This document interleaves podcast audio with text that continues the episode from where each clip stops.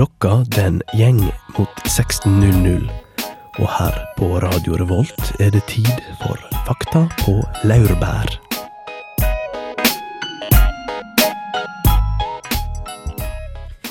Tenk at det største i verden har skjedd deg. Et skrøtt, skrukkete vesen kommer til syne i en fei. Nå må oppdragelsen begynne. Få ungene til å synge etter ditt refreng. En perfekt liten jente, en perfekt liten dreng. Men hva med straff og pryl og skjenn? Hva om han får seg en dårlig venn, en som drar han inn i fristelse og ugagn? Gjør han del av urbane sagn? Nå gjelder det å ta riktig veivalg. La ikke barna leke med talg, lys og beholde en god emalje på tennene. I dag skal vi prate om barneoppdragelse her i Fakta på Lærbær. Stemmer det. Og eh, dagen i dag kommer til å handle mest om hva vi vil gjøre med våre barn. Ikke så mye om hva slags forskning som eksisterer på feltet fra før av. Vi skal presentere en del scenarioer for dere, som vi skal diskutere hva vi ville gjort hvis vårt barn virkelig var ille ute. Og så skal vi prate litt om Anna Valgren, en skikkelig dramakvinne innen barneoppdragelsen. Med meg i studio i dag har jeg Susanna Hei, hei. og Egil. Hei, hei. Jeg heter eh, Ragnhild Skaugen, og første sang ut i dag er Band of Skulls med You're Not Pretty, But You Got It Going On.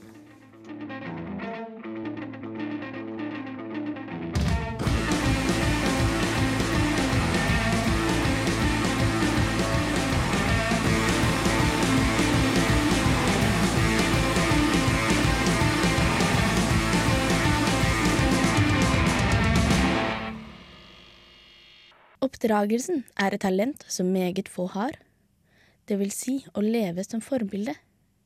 Alt annet er i høyden dressur.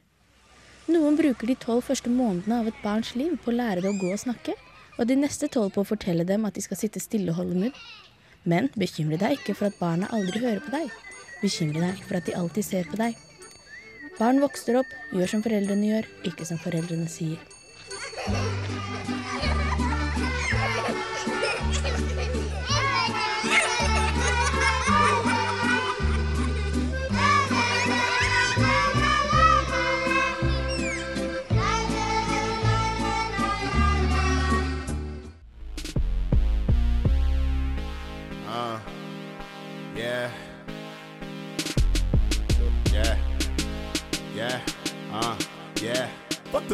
The police, though we smoke it like it's legal.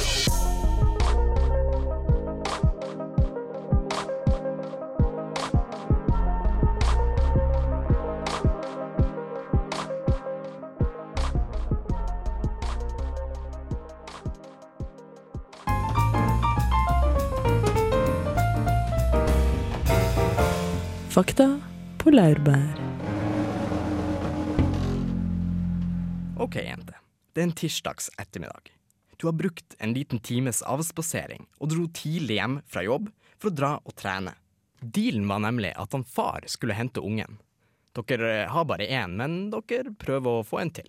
Altså, han, han far skulle hente ungene i barnehagen og handle inn til middag. Og planen var at det skulle stå kokt torsk på bordet til du kommer hjem fra trening. Men nå er klokka halv fem, og du er akkurat ferdig på treninga, og oppdager syv ubesvarte anrop på mobilen fra han far.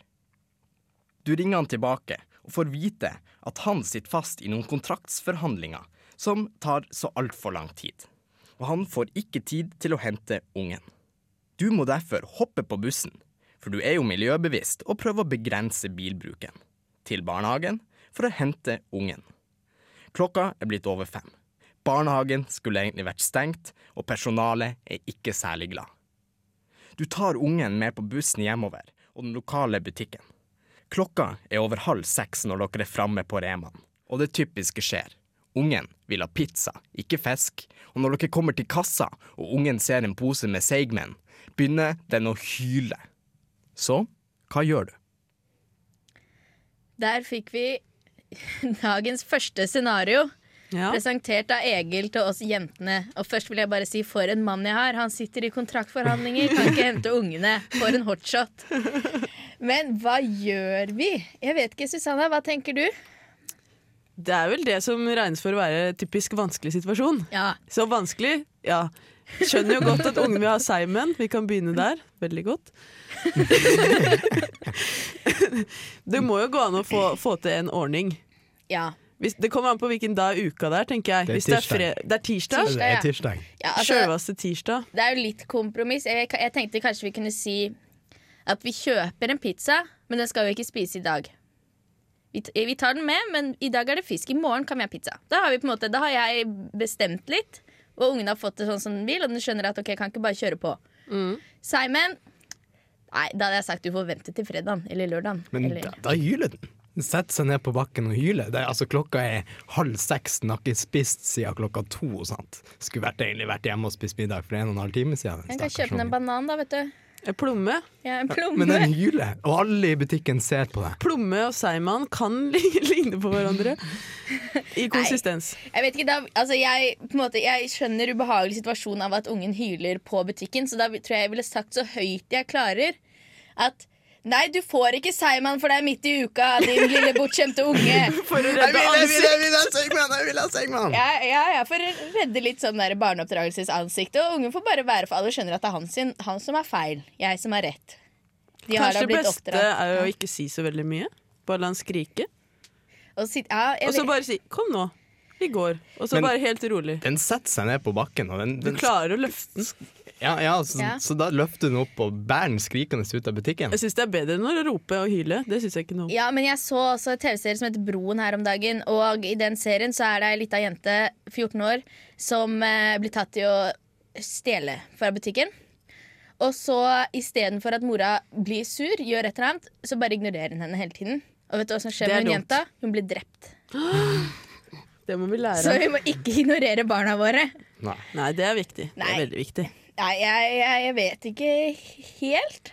Kanskje, kan- det kan jo, du kan jo prøve med 'ikke i dag, kanskje på fredag'. Ja, det var det jeg tenkte. Eventuelt si du kan få en Kinder Maxi. Ja, for det er litt mindre Det er på en måte bitte lite grann. Det er en liten energiboost. Må ha litt godteri. Og så kan jeg si du, du fortjener det fordi at faren din henta deg ikke i barnehagen. Drittsekk.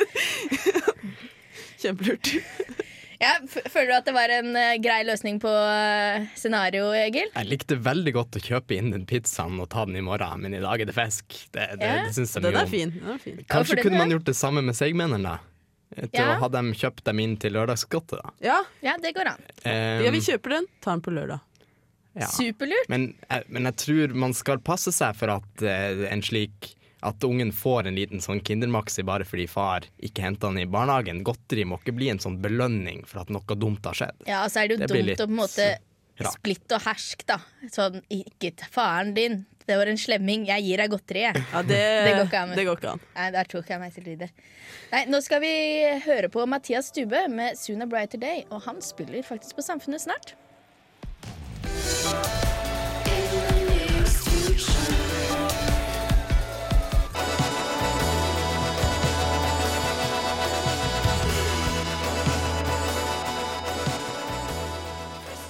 Og så fort hun då tystnar, det gjelder att gå sin vei. Kanskje så du sesongens første program av Skavlan. Der hadde han besøk av Felicia Felt, datter av Anna Wahlgren.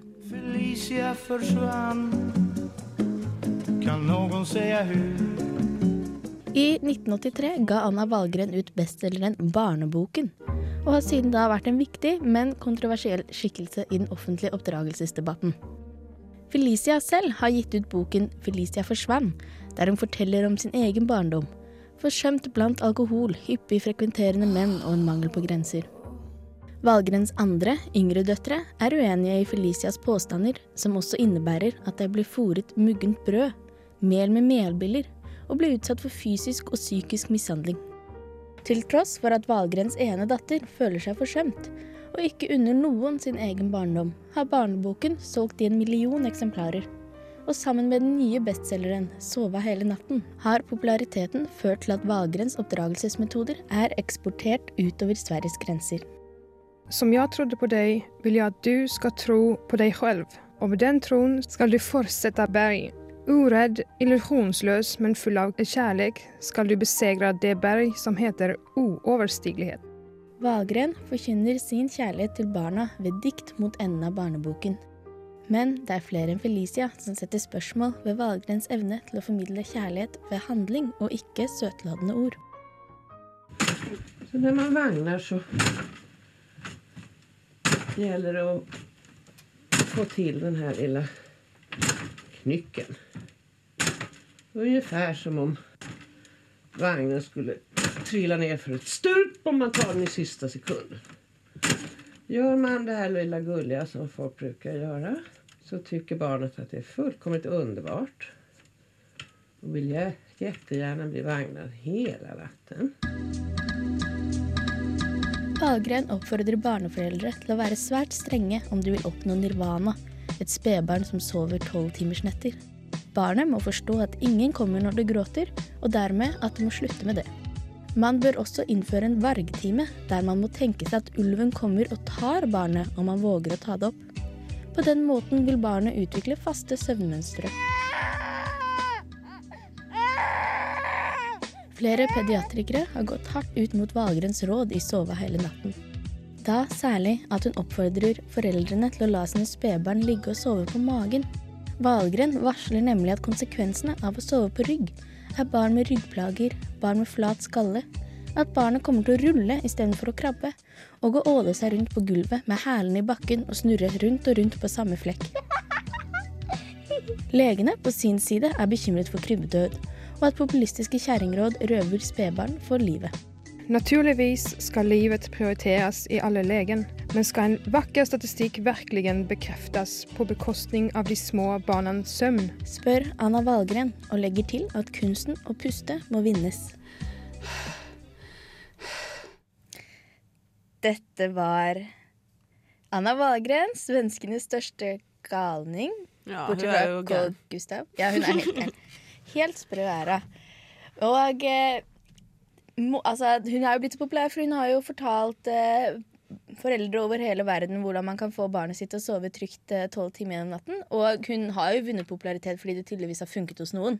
Mm. Mens legene kritiserer henne for at på denne måten så dreper du barn, rett og slett. Så eh, ja, vet ikke hva man skal si. Tror du hun er rett gjennom ond, Susanne? Mm, Kanskje Hun virker i hvert fall ond, spør du meg, men det kan hende det er fordi hun er dum. Ja. Jeg tror hun har en veldig sånn hippie-oppvekst. Men sånn som å ikke Ja. hente ungene når de griner og sånn, det er direkte slemt. ja, jeg. Men hvordan skal du få dem til å slutte å grine da? Det er jo altså Det er jo en del andre sånne teknikker som er litt mer sånn at Ja, at, at man skal la ungen bare ja, ligge inn på rommet sitt og, og gråte om natta. Kanskje ikke hvis det er et spedbarn, men hvis det er noe litt, litt, en litt eldre baby, kan godt ligge og gråte litt. Ja. Jeg er jo egentlig litt enig i det, Egil. At man, man må jo på en måte Man kan ikke komme til unnsetning med en gang man begynner å gråte, for da, da tar du på en måte Da vet de at de kan skru på alarmen, og så kommer du løpende. Men det gjelder kanskje mer for folk som er sånn fire år, som er sånn 'jeg vil ha et glass vann', og så gråter de og gråter og gråter, og så er alt de vil at jeg skal komme opp og si hei. Og så ned igjen. Jeg tror det gjelder for litt yngre barn også. Men jeg Altså. tror ikke nyfødte barn griner, Fordi da vet de på en måte Nei, det er jo det Jeg tror ikke de har en plan. Nei, nyfødte, da. Det, Ja, det er på en måte litt annet. Det som er litt skummelt med henne, at du på en måte tillegger disse småbarna så innmari rasjonelle på en måte, tanker. At de skal forstå at At de skal forstå at det ikke hjelper å grine. Ja. Det er det er liksom eneste impulsen du har. Og så blir jeg også veldig skremt av dette her med vargtimen. Det høres nesten litt så djevelsk ut. Sånn der, Ulven kommer og tar barnet ditt hvis du tar det opp. Ja. Pass på dere. Men jeg syns det var litt interessant de der lydene vi hørte i begynnelsen av eh, reportasjen din om eh, Ja, som rett og slett Du beskrev det jo til oss om at eh, hun, hun vugger på en barnevogn, men så på en måte slår i den, sånn at det ikke skal være behagelig for barnet å ligge i den. Ja, for da vil jo barnet bare at du skal gjøre det hele natta. Ja. Så det skal, det skal rett og slett være skremmende og vondt. Fordi, fordi det er jo en litt sånn en ganske allmenn akseptert ting at man skal ikke drive og vogge barna i barnevognen lenger. Og man skal ikke det, nei. Nei, det, da, da blir de vant til det, og da må de gjøre det hver eneste gang de skal sove. Ok, Så der ja, jeg hadde har i jeg hvert fall dritt lest det at, eh, at nå er det på en måte blitt mer akseptert og bare at barnet skal sove av seg sjøl uten så mye bevegelse. Men det jeg egentlig ikke skjønner i vår moderne tider, er hvorfor du ikke bare kan lage en evigvarende vogge som gjør at den bare kan vogge hele natta, og alt er i orden. Det er jo Det er litt av et patent, dere. Det kan dere få av meg. Gratulerer. Tusen en, en siste eh, interessant ting. At eh, min bror har, har to unger. Mm. Og den første ble når han eh, ja, vokste opp de første årene, så flytta broren min overalt. Og de bodde stort sett i bilen og sov overalt. Og Oi, for noen crazy. hippiegærninger. Ja, totally hippie motherfuckers. yeah. Så eh, ja, han Max, da, som er den første ungen, han kan sovne når som helst, hvor som helst, med hvor så mye bråk som helst, liksom. Han, det er ikke noe stress. Mens eh, den eh, unge nummer to, som har på en måte hatt litt mer eh, rolige oppvekstforhold uten så mye reising og sånn, det er litt mer, litt mer var for lyd og sånn. Ja, en Så det- sart sjel. Ja, liksom reagerer litt mer på, på bråk på kjøkkenet hvis, hvis hun er inne på soverommet. Der, ja. Ja, så da har du jo lært seg noe i underbevisstheten. Kanskje Anna Wahlgren ikke var så dum likevel? Nei, nå er bare ekstrem. Nei, nei, hun er kjempedum. Vi skal høre på Dunes med Jukebox.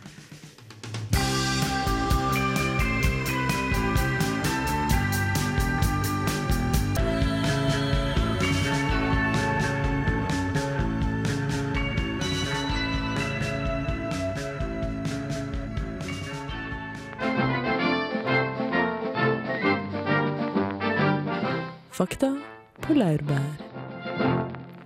Nå har Susanna forberedt et lite scenario for oss. Det stemmer. Nå kan du se for deg at uh, ungen din er blitt sånn ca. 12-13 år. Okay. Sitter foran TV-en uh, på fredagskvelden, ordentlig hyggelig. Så kommer det en reklame. Reklame for Statoil, den har dere kanskje sett.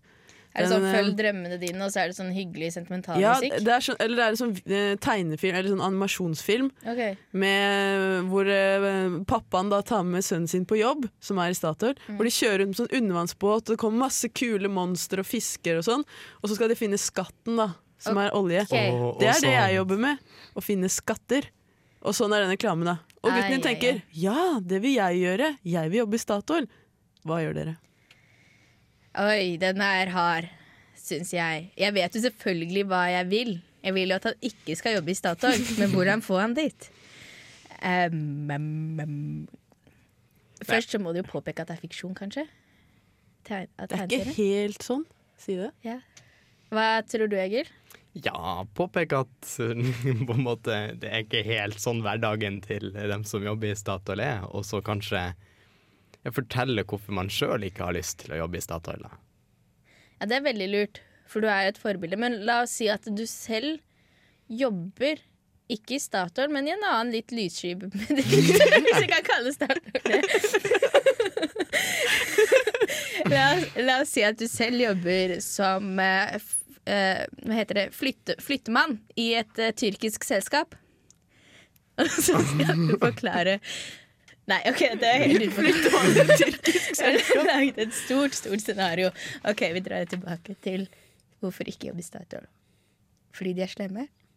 Nei, fordi Hvordan skal du forklare det? Ja, men Ok, må vi kan Forklare si- hvorfor de er slemme. Ja, Du må jo si Tenk deg når du blir voksen, sønnen min, og du sitter her med din sønn. Og så ser du på TV på Dagsrevyen at det er tsunamier overalt. Det er smog over alle byer i hele landet. Det er helt umulig å leve. Vi har sånn ti arter igjen her på kloden. Og så kan du spørre deg selv, sønnen min, om du har lyst til å være skyld i det. Ja, Ganske brutalt. Men altså 12-13-årsalderen, det er jo akkurat da unger begynner å, å ja, bli med i liksom natur og ungdom og litt sånne ting. Så det er jo på en måte I den alderen så er man jo veldig følsom for det der opplegget med rettferdighet og, og urettferdighet i verden og, og, og sånne ting. Så jeg tror at hvis man forklarer konsekvensene av klimaendringene og sånn, så tror jeg ungen blir ja, motstander. Ja, det er helt sant. Man vokser jo av seg den idealismen etter hvert. Man gjør det. Den Men er borte 12-13, altså. da kan du fortsatt forme de som en liten plastelinaklump. Ja. Ja, det er godt å høre. Ja. Da har vi liksom fått løst det. Men jeg, jeg tenkte på et til scenario. La oss si Du har jo fått noen unger, da. Hva vil du gjøre? Vil du flytte? Hvor vil du bo? Vil du jobbe mer? Vil du jobbe mindre? Hva tenker dere om det? Det hadde jo vært fint å få til en sekstimersdag, kanskje. En sekstimersdag, ja. Ja. Jeg skulle jo egentlig ønske at alltid var sekstimersdag, men det hadde jo passa ekstra, ekstra fint da.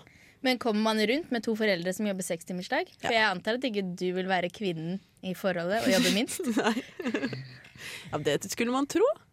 Ja. Skulle man ikke det? Jo, kanskje. Jeg vil også tenke meg, altså, Nå er jo ikke på en måte, vi i den situasjonen siden vi driver med høyere utdanning, men at det, det kanskje er en fordel å ha en jobb hvor du på en måte legger fra deg jobben hjemme. Mm. Nei, hjemme på jobb. At du, du jobber med et eller annet som du, Det går ikke an å ta med seg hjem. Du jobber i butikk eller på fabrikk eller på et eller annet sånn skikkelig arbeid hvor du, når du kommer hjem, så er du helt fri. Skikkelig arbeid. Ja, litt sånn der Ja. her, ja, jeg å si hæla i taket, men hæla godt planta på bakken, i hvert fall. Men det er, jo, ja, det er jo veldig interessant der, liksom, hvordan Det er jo nesten hver eneste person har jo sin egen idé om hva som er gode oppvekstforhold. Er det liksom gode oppvekstforhold i Oslo sentrum? Jeg tenker jo nei. Det må, man må, man må vokse opp i, i Nord-Norge. I Nord-Norge, ja. I kulda og mørten. Ja.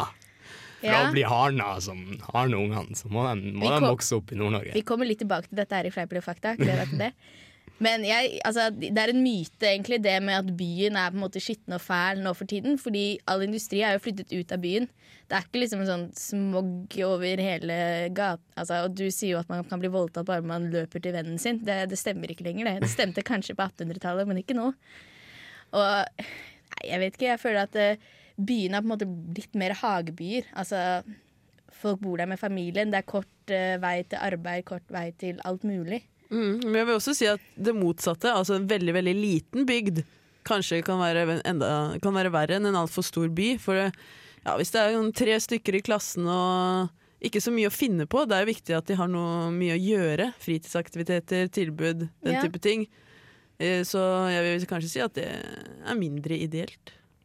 Jeg er helt enig i det. Dårlig kollektivtransport ut på Ja, det er jo en annen aspekt. Altså, vi som, som er såpass miljøengasjert av oss, vi, vi jeg har vel kanskje noen Jeg har i hvert fall en idé om å ikke ville bruke så mye bil, også når jeg blir voksen og får unger osv. Og, så og hvis man skal klare det, så må man jo nesten bo i en OK stor by. Stemmer. Så da er vi enige alle sammen, da. Men så Ja, helt Bortsett fra sør og nord. Men vi skal videre. Boldy James med 'Consignment' er neste låt ut her. 227, her room, my dog, concrete. It's enticing. Just try it. Everybody's doing it. I promise you will like it. Don't fight it. Hurry up and buy it. I went through it in the bag, knotted up and tied Fleip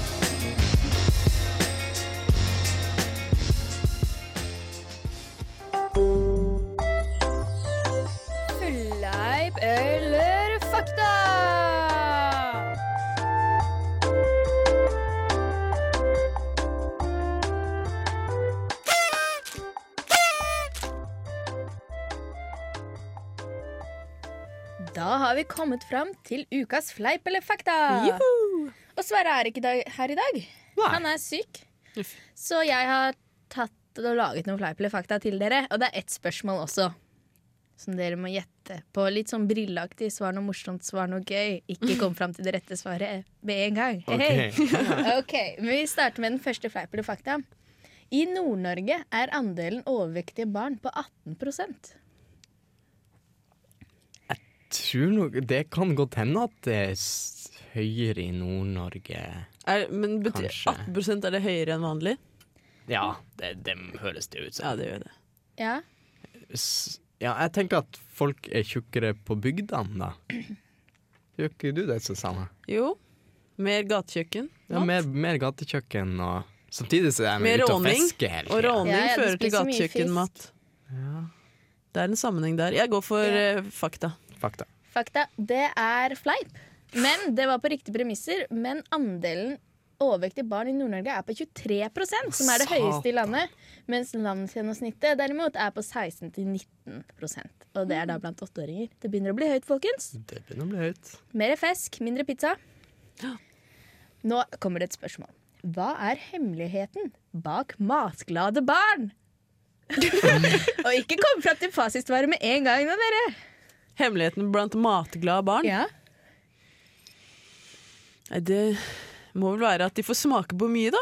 Tenker jeg. Ja, det er et godt tips, egentlig. Får smake på mye og si ta litt smak, i stedet for å si ta mye, du må spise opp alt.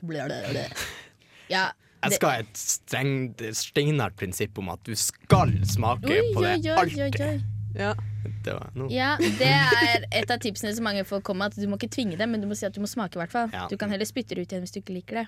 Du må alltid smake. Og det Ja. holder ikke at du smakte i går, du må smake i dag òg. Stemmer. Men jeg også, også har forståelse for sånn at oliven og fetaost det blir ikke godt før du har kryssa 18 år. Stemmer. Jeg syns ikke oliven er godt ennå. Fetaost derimot, nam-nam. Men fasiten her i dag da baserer seg på TV-kokk Lise Finkenhaven, og hun sier at det er lurt å alltid ha en smak de liker på tallerkenen, som på en måte kan varme opp de andre tingene. At det er noe kjent og noe ukjent sammen. Alltid en liten seigmann ved siden av grønnsakene. Nei, og så tar vi en til av dere. Et søramerikansk ordtak sier at det skal en hel landsby til for å oppdra et barn. Ja. Det er sikkert noe de har funnet på å si. Ja, Fakta faen. de kunne sikkert ha gjort det, men det var nemlig et afrikansk Ah. ordtak. Søren. Dessverre. Og de sier også at husk i motbakke går det oppover. OK. Vi, jeg har et par til. Vi rekker det, håper jeg. Ja. I England er den kriminelle lavalder ti år. De er jo helt, de er helt sinnssyke der borte i England. Så jeg tror nesten på det, men det er ti er litt lavt. Ti er veldig kanskje lavt. tolv eller noe sånt. Jeg tror i hvert fall det er 12. 14 12. 12. Ja. Tolv? Så da blir det 12. fleip. Eh, det er faktisk fakta. De satte opp eh, lavalderen Nei, satte ned lavalderen etter at ti, to tiåringer drepte en treåring i 1993. Herregud. Og ellers så kan jeg opplyse om at India, der er den syv år. Skottland åtte. Og i de fleste stater i USA så er det ingen lavalder. Så hvis du er øh, Ja. fire år Ja, Det har jeg faktisk lest har vært et stort problem. Fordi at istedenfor når folk ikke har oppført seg på skolen, f.eks. har tatt på seg for mye parfyme, og sånn, så har de rett og slett blitt anmeldt, barna. Tatt Og- på seg for mye parfyme? Ja, det var ett ekstremt tilfelle da jeg leste om. Eh, sånn at de har rett og slett liksom blitt straffeforfulgt av på en måte disiplinær oppførsel i Men, skolerommet. ja, men hvis de er så gamle at de tar på seg masse parfyme, så syns jeg de er gamle nok til å gå i fengsel. Altså. For, for det, ja. ja. OK, OK. ok Og jeg har en til, og det er Cathy Witterick og David Stockers unge Storm er en gutt. Jeg har ikke hørt om disse navnene. Nei. Storm høres ut som et guttenavn. Ja, Ja. ja OK. ja. Ja, det syns jeg. Ja. Nei, men er det ikke en sånn i en sånn, Det er en sånn Jo, det- tegneserie, så det er ei jente som heter Stemmer det. Oh. I X-Man. Ja, men uh, hør på Hva kan det være? Androgynt navn? Er det gutt eller er det jente? Gutt. Ja, Svaret er at det er ingen som vet, bortsett fra foreldrene og søsknene og jordmødrene, for de har valgt å oppdra et kjønnsløst barn. Det skal få lov å bestemme selv. Jesus. For noen gærninger! Vi skal videre. Vi skal høre på Intertwine med So What. Og Intertwine det er egentlig Tarjei Ekelund, og han kommer fra Larvik. Men han er her i Trondheim, så hvis du ser en høy, tynn gutt med mørkt hår og hipsterbriller, så er det nok Tarjei.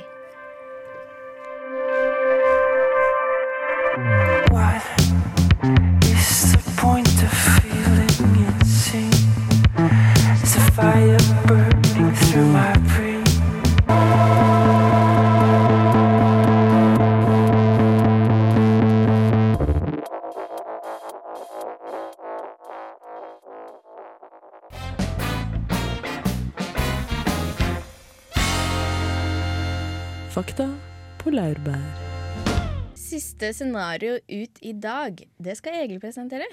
Ja. jeg jobba har jobba en god del i barnehage, og det var i Tromsø, på, på en barnehage der, så var det to forbanna dritunger, altså.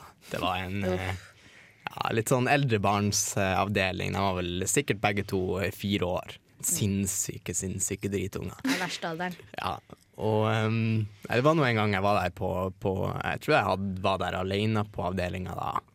Og så eh, hadde de her to ungene eh, funnet en eh, sånn boks med solkrem, eller hva heter det, flaske, og spruta det utover på alt i hele gangen.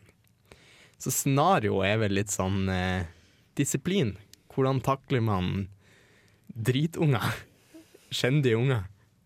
Av erfaring så vet jeg at jeg ikke klarer å takle sånne unger. Fordi jeg var på Jeg var lærervikar på en skole, bare veldig kort, en uke eller noe. Det var så lenge jeg holdt ut.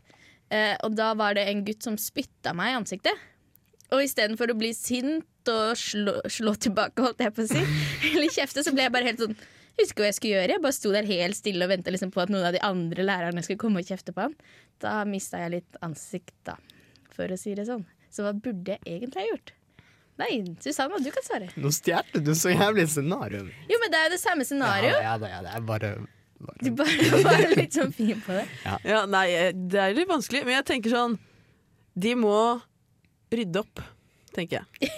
Så jeg tenker Ja. sånn, hvis, hvis det for eksempel var i forbindelse med friminutt, Mm. hvis alle andre skulle ut og leke, så kan man si nå skal dere rydde her inne. Man kan si det med rolig stemme. Dere skal ikke ut før dere har rydda. OK. Og ikke inn i lekerommet heller, før dere har rydda. Og så bare lar du de rydde.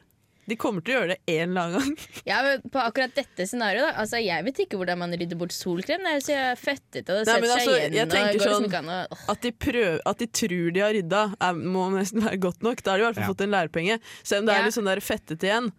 Så nå har vi rydda. Hvis de tror de har rydda, da har de lært leksa. Men altså, det er jo, det er jo en, egentlig en litt kjip lekse, det, på en måte. At du kan gjøre ting som er så fælt som bare rakkeren sin, så lenge du rydder det opp etter Nei, deg. men du, du må, kan jo det er jo ikke si lov å gjøre det i utgangspunktet. Du må jo få en alvorsprat også. Ja, Du kan jo ja. også si at, eh, at de ikke skal gjøre det og den type ting, men det viktigste tror jeg Jeg tror det er mye viktigere at man får de til å ta ansvar, enn at man bare kjefter.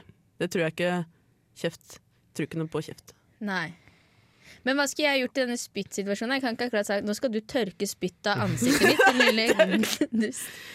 Nei, hva skulle man gjort? Nei, da måtte du jo fått sen- sendt til Bare sagt sånn Ja, nei, det der var så alvorlig at nå må du til rektor.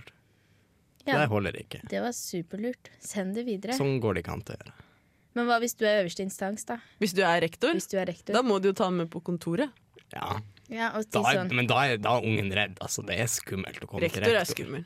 Ja, det er sant. Jeg har aldri vært hos rektor. No surprise there, kanskje. Det hadde sikkert ikke spytta på deg hvis du var rektor. Nei. Nei, Han hadde ikke nådd opp til ansiktet mitt. Da, Da- vet du. Da tror jeg rektor går til mamma og pappa hvis, hvis ja. Hvis det hadde vært et problem. Så det er sånn, Men hvordan vil du disiplinere dine egne barn, da, Egil? Nei, steinar disiplin. Nei, bare liksom helt faste grenser som man holder, og som man altså ikke lar forhandle, ikke forhandle bort grensene sine. Og, ja. Holde på grensene sine, tror jeg er det aller viktigste. Det høres. Veldig lurt ut. Vi, jeg ville for eksempel ikke latt barna mine høre på sånn musikk som vi skal høre på nå. Big KRIT, King Point 2. Jeg regner med at det er noe hiphop. History remembers kings. God bless you all. Yes. I don't mean to burn you. I just uh, I had a conversation with a uh, wise man. I promise I'll change. I pray you do the same.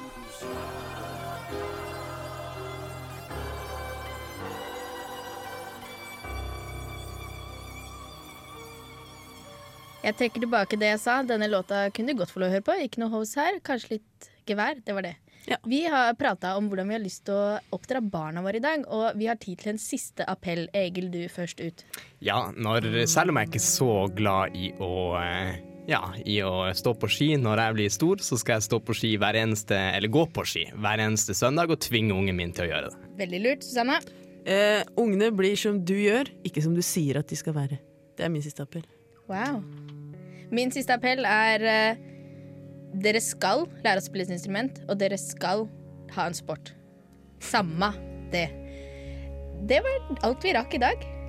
Etter oss kommer eh, på tirsdag. Teknikeren i dag har vært Henrik. Tusen takk. Og på gjensyn neste uke. Gjenhør. Ha det bra. Ha det godt. Ha det.